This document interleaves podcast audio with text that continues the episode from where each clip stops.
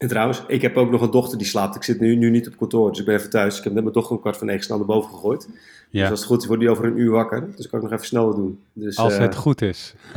Ja, als het goed is, ja. Dit wordt een hele spannende Zacht- aflevering. Niet veel ik. zeggen, Bart. eh, ja. Nee, ik sta op mute en ik doe die camera even die andere kant op. Dan zie ik het ook niet. Wat je niet weet, hè? Oké, let's go.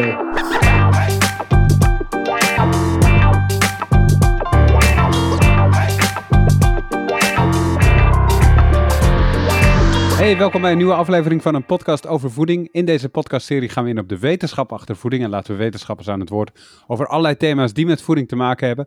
Bart Mol van I'm a Foodie, zoals altijd, is er ook weer bij. Hoi Bart. Ja, zeker hoor. Op deze stormachtige dag. Dan, eh, ja. ja, klopt. En natuurlijk, eh, het is weer een broodje Jaap, want het is weer woensdag. Dus Jaap Seidel is er Ja. ook bij. Hoi Jaap. Goedemorgen. En broodje Jaap, nou ja, we doen het inmiddels een jaar, dus eh, de meeste luisteraars zullen het kennen. Maar het is onze rubriek waarin we binnen een kwartier, of net iets meer, een actualiteit doornemen. En de actualiteit was nu eh, wel een, een, een, hoe noem je dat? Een heel toegankelijke actualiteit, want ik, we zagen het gewoon staan bij de NOS in eerste instantie. Ehm, en dat ging over één op de zes mensen die gezonder willen eten, die kan dat niet betalen. Dat had het Centraal Bureau voor de Statistiek eh, becijferd. Ja. Ehm, en ik wil je gelijk vragen, Jaap, hoe kan dat? Nou ja, ten eerste is het, eh, eh, het. Daar is dan nog weer veel discussie over. Kunnen ze het niet betalen? En, en waar leggen mensen dan de prioriteiten? Hè? Dus dat is. eh, eh, maar wat, wat natuurlijk de achtergrond is, is dat die stijgende voedselprijzen, hè, de inflatie, als ik zelf in de supermarkt kijk en ik zie wat ik nu afreken vergeleken met vorig jaar en het jaar daarvoor, dan, ja, dan is het heel veel meer. Eh, en dat eh, is wat natuurlijk mensen met een laag inkomen ook zien. En als ze ook nog eh, hoge gasprijzen hebben en alles wordt duurder ehm, en, en de lonen stijgen niet, ja, dan komen mensen krap te zitten en dan hebben ze vaste lasten die ze niet meer kunnen betalen. En dat geldt dus ook voor ehm, ja, gezond eten. En welke, welke keuzes maken mensen dan anders in de supermarkt? Is daar enig onderzoek naar gedaan? Zeg maar, als de prijzen stijgen, wat doen mensen dan anders? Ja, ze laten de dure dingen staan en de dure merken. Ze gaan dus veel meer huismerk kopen ook.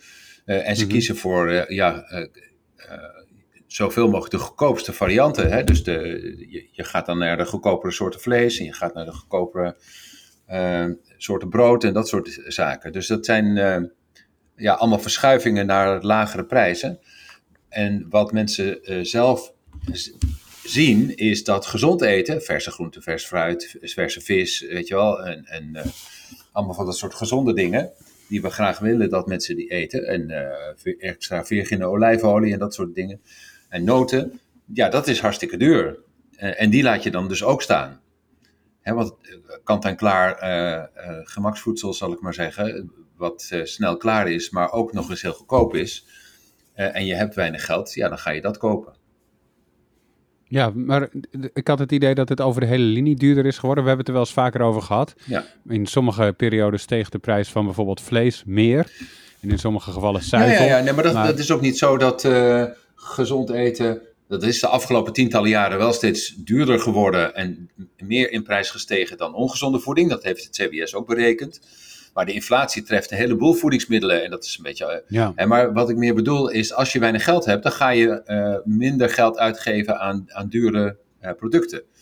En als gezond eten relatief duur gevonden wordt, dan gaan mensen dus kijken hoe ze, hoe ze goedkoper en vaker dus inferieur voedsel kunnen kopen. ja.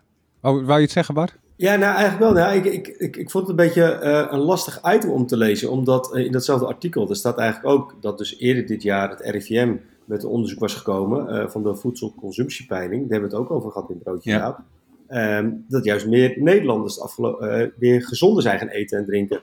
Dus ja, dat, zijn ja, voor ja, mij een beetje dan tegengestelde berichten. Ik denk, oké, we zijn dus wel gezonder gaan eten, maar Ja, nou, we kunnen het eigenlijk aan de andere kant ook weer niet eh, betalen. Of zitten we echt zo in, in te zoomen op bepaalde sociale, economische klasses, dat daar dus weer een bepaalde grote gat nog groter aan het worden is. ja, kijk, de voedselconsumptiepeiling gaat niet over sociale verschillen.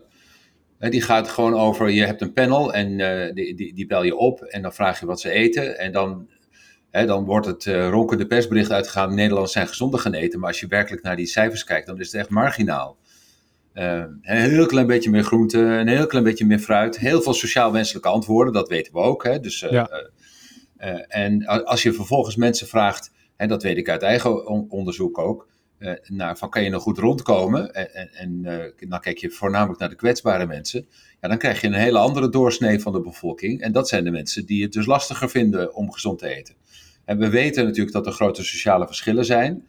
Eh, en we weten ook, en dat, dat is onder andere ook vorig jaar natuurlijk besloten, dat een heleboel ouders het moeilijk vinden om gezond en voldoende eten mee te geven aan hun kinderen naar school. En daarom is er nu een 100 miljoen uitgetrokken voor schoolmaaltijden en ontbijten en dat soort zaken. Omdat ja, blijkbaar toch eh, heel veel mensen met een eh, krappe beurs ja, hun vaste lasten nauwelijks kunnen betalen. Ook dat overigens stond vandaag in de krant, dat er dus steeds meer mensen zijn die eh, gewoon hun normale dag, dagelijkse, niet alleen de dagelijkse boodschappen, maar ook alle andere vaste lasten, verzekeringspremies, een auto hebben, weet je wel, en kleren kopen, al dat soort dingen. Dat is natuurlijk heel erg lastig.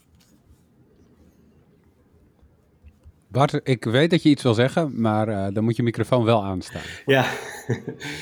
Ehm, eh, als ik stil ben, ben ik op mijn best. Nee, ehm, nee ehm, ja, weet je ook toevallig hoe het staat met dat, met dat potje van 100 miljoen? Want daar hebben we het vorig jaar ook al over gehad. Eh, is het potje inmiddels op of gaat het heel erg tergend langzaam? Of is dat meer voor de bühne dat ze zeggen, we hebben een potje van 100 miljoen, maar daar gaan we ook aankomende vijf jaar, eh, wordt dat langzaam opgemaakt? Of? Nee hoor, dat is noodhulp, zeg maar. Hè. Dat heeft te maken met die enorm stijgende eh, voedselprijzen. En eh, het, het Rode Kruis is daar onder andere mee belast om dat uit te voeren. En die doen dat wel met samen, maar eh, er is heel veel discussie over, moet dat dan ook gezond wezen? Eh, Mhm. hè, want eh, als je denkt, kinderen hebben honger, dan ga je meteen denken aan van, ja, we, we gooien een heleboel broden in de, eh, eh, uit een vrachtwagen bij, alle scholen waar we langs rijden. En dan gro- een paar grote po- potten pindakaas en jam. En dan hebben ze wel weer te eten. Hè? Dus het gaat dan om het bestrijden van honger. Dat is een beetje wat je in heel veel landen natuurlijk ziet. Noodhulp is altijd bestrijden van honger. Is, eh, gaat het meer om de kwantiteit dan de kwaliteit. Ehm, en heel veel instanties, onder andere het voedingscentrum, maar ook JOC enzovoort, hè, de, de jongeren op gezond gewicht en allerlei andere organisaties, die willen dus heel graag dat meteen ook nagedacht wordt voor een structurele oplossing eh, en dat het dan ook gezond wordt gemaakt. Maar het heeft allemaal te maken met een beetje met de, de, de, de discussie over, moet de overheid dat doen? Is de overheid verantwoordelijk voor het eh, garant stellen van eh, voldoende gezond en, en liefst ook duurzaam voedsel, ook voor mensen die het heel erg lastig vinden om dat te betalen? En eh, daar is ook discussie over. Hè. In de NRC stonden een paar eh, opiniestukken de afgelopen week, eh, waar- waarin staat van ja, de overheid neemt zijn grondwettelijke taak als het gaat om gezondheidsbescherming en het, eh, eh, ja, het voorzien van, mensen van de basisbehoeften van mensen, dan doen ze dat onvoldoende. Hè? Dus het, de, de wet is er, of dat staat dus in de grondwet, hè, dat is artikel 22 lid 1, is dat de Mhm. overheid er alles aan moet doen om ook mensen die het heel erg lastig hebben, om die een gezonde omgeving te geven. En, en ervoor zorgen dat ze in hun basisbehoeften kunnen voorzien. En dat geldt dus voor, Ja, want- voor ja. schone lucht, voor schoon drinkwater. Dat geldt voor een veilige omgeving en een werkomgeving waar niet al te veel ongelukken kunnen gebeuren. En dat geldt ook voor eh, een gezonde voedselomgeving. Haakt eh, dat ook in eh, waar je het vorig jaar over hebt gehad? Dat je ook met studenten bezig was om een bepaalde rechtszaak tegen de staat eh, Ja, te, ja. te gaan beginnen? Dat ging over kindermarketing, dus dat is ook iets. Hè. Bedrijven eh, wordt toegestaan om ja, kwetsbare kinderen te exploiteren voor een commerciële doeleinden. En ze vervolgens schade te berokkenen door allerlei ongezonde producten. Hè. Of het nou vaping is of. dat mag officieel niet meer, maar dat wordt wel heel veel via influencers gedaan. En, maar ook energiedrank en allerlei ongezonde eh, voedingsmiddelen. Dus daar is, eh, ehm, ja, daar, dan is de overheid eigenlijk in gebreken. Hè? Dus die weet dat de gezondheid ondermijnd wordt door eh, nou ja, influencers en marketing.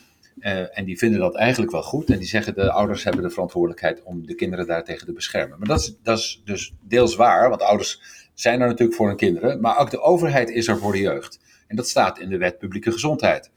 Eh, en dat, was dus een eh, goed gedocumenteerd en omschreven eh, wettelijke taak van de overheid.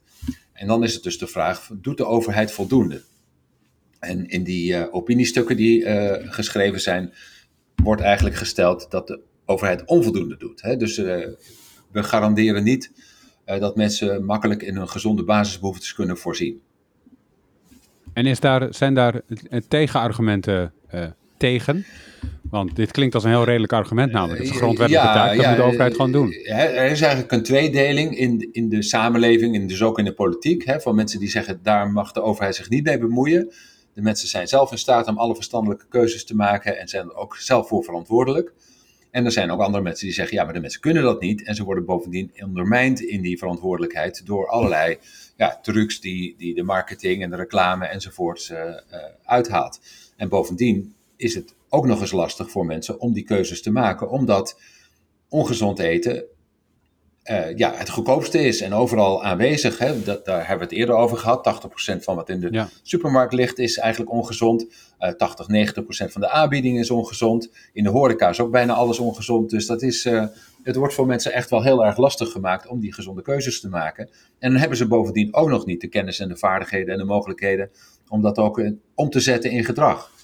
En, en dat is iets waar ehm, eh, ja, veel discussie over is. En er is ook een, uh, een activiteit, dus dat, dat, dat, ik heb die meneer een paar keer ontmoet, dat is de Volkskeuken. dat is, ja, die stelt eigenlijk, Floris Visser, dat is die, die oprichter van de Volkskantine, die zegt eigenlijk een gezonde maaltijd is een basisvoorziening en daar moeten wij als overheid in, in voorzien. Dus dat wil zeggen, als het niet de landelijke overheid is, dan wel de gemeente. En dat zien we natuurlijk ook met voedselbanken en, en dat soort zaken. Eh, voedselhulp eh, zou je kunnen zeggen. Maar je zou eigenlijk ook kunnen zeggen dat, ja, dat schoon drinkwater en, en openbaar vervoer en woningen, en, maar ook dus gezond eten, dat hoort bij de basisvoorzieningen. En daar heeft de overheid voor te zorgen dat mensen dat, dat kunnen. Daar ben je het mee eens trouwens met wat hij daar stelt, want hij zegt onder meer dat we een soort van uh, systeem zouden moeten opzetten zoals de NPO. Uh, wel de, we hebben geld voor publieke omroepen en dan zijn er omroepen die mensen zelf hebben opgericht die die taak vervolgens uitvoeren. En hij zegt eigenlijk dat zouden we ook met een soort van staatshoreca moeten doen. Zeg maar, als je uh, restaurants wil openen die met een bepaald prijspeil werken en, en, en, en, voldoen aan bepaalde eisen rondom gezond eten en duurzaamheid, dan zou je daarvoor subsidie moeten kunnen krijgen. Ja, dat is een manier om het te doen. Hè? Een, een andere manier is inderdaad die uh, gezonde schoollunches en gezonde schoolontbijten en dat soort zaken. Ik denk dat maar dat is alleen jeugd. Ja, die, die kijk, uh, en, en dat staat ook al in die wet publieke gezondheid. De, de, de jeugd, dat is echt de verantwoordelijkheid van de. Uh, hè, bij, bij volwassenen zou je nog kunnen zeggen, die kunnen rationele beslissingen nemen. Maar als je als kind, als je opgroeit, afhankelijk bent van de kennis, de vaardigheden, de inkomen en de vaardigheden van je, van je ouders, dan, dan wordt het heel krakkemikkig. Want als, als ze die toevallig niet hebben, dan heb je pech. Uh, en dan uh, is de overheid er eigenlijk om de jeugd uh, te beschermen tegen invloeden die hun groei en ontwikkeling bedreigen. dus dat, dat, dat klinkt heel juridisch, maar die jeugdwet, zo heet dat dan in de wet publieke gezondheid, die stelt eigenlijk echt de gemeentes verantwoordelijk voor het gezond kunnen opgroeien van kinderen. Ja, maar stel je voor dat over een pak een een jaar of zo. En er zit een nieuw kabinet en de minister of staatssecretaris die hier verantwoordelijk voor is, die komt naar jou toe. En dat is echt geen theoretisch scenario, want volgens mij heb je vaker... Uh, de, uh, minister van Voeding, ja. maar heb je ze vaker geadviseerd. Maar um, stel voor, die vragen, we willen hiermee aan de slag. Ja. Hoe zouden we dit moeten inrichten? Wat, wat zou er precies moeten komen? Wat zeg jij dan? Ja, dan, dan, dan zeg ik eigenlijk, uh, we, we betalen als, als gemeenschap heel veel geld aan allerlei chronische welvaartsziekten en gevolgen van, uh, van, van ongezonde leefstijl. Uh, dat komt voor een deel doordat ja, mensen eigenlijk niet in staat zijn om gezond te leven. daar kun je nog. En dan is het dus de kwestie van: kunnen ze dat niet? Nou, hebben ze voldoende kennis en hebben ze genoeg vaardigheden en mogelijkheden om dat te doen? Als dat niet zo is, dan moet je die ze bijbrengen. Maar als dan vervolgens die gezonde keuzes eigenlijk onbetaalbaar zijn en niet beschikbaar en ehm, lastig te realiseren, dan moet je mensen daar dus ook mee helpen. En dat geldt dus voor. Uh, en daarom hebben we natuurlijk ook een voedselbank en dat soort zaken. Dus dat is natuurlijk iets waar als je onder bepaalde omstandigheden uh, uh, leeft, dan eh, moet eigenlijk de overheid inspringen. Maar om te voorkomen dat ehm, ja, mensen die, die, die, die voedselbanken, dat is, dat is natuurlijk over doorsnee ook niet gezond eten. En niet een warme maaltijd waar je voldoende eiwitten, groenten, fruit enzovoorts in kunt krijgen. dus ja, dat, het zou een soort van voedselhulp kunnen zijn, hè, waarbij je zegt het is een basisvoorziening waar mensen in ieder geval gebruik van kunnen maken. En ik weet dat die Floris Visser dat ook, volgens mij heeft hij het in Almere ook uitgeprobeerd. En dat liep eigenlijk best wel heel goed. Je kan er ook de lokale economie mee stimuleren, omdat je in plaats van Amerikaanse fastfoodketens dan ook lokale leveranciers van voedsel bijvoorbeeld kunt betrekken. je kunt voedselverspilling kun je verminderen. Je kunt bijvoorbeeld zeggen van nou, alles wat over de datum is, dat gaat naar die restaurants. En daar wordt dan ook nog lekker en gezond van gekookt. dus je kunt op allerlei manieren kun je natuurlijk allerlei voordelen bij elkaar brengen.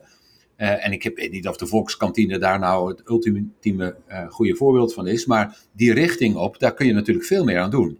want we willen graag dat mensen meer lokaal gaan eten, dat ze meer duurzaam eten en gezond eten. En we weten ook dat uh, heel veel mensen dat heel erg lastig vinden. Dat komt dus ook, niet alleen komt uit die CBS-enquête dat heel veel mensen het financieel moeilijk vinden. Maar ze vinden ook nog eens dat die keuzes heel erg lastig zijn, omdat ja, ze eigenlijk voortdurend verleid worden uh, tot ongezonde keuzes.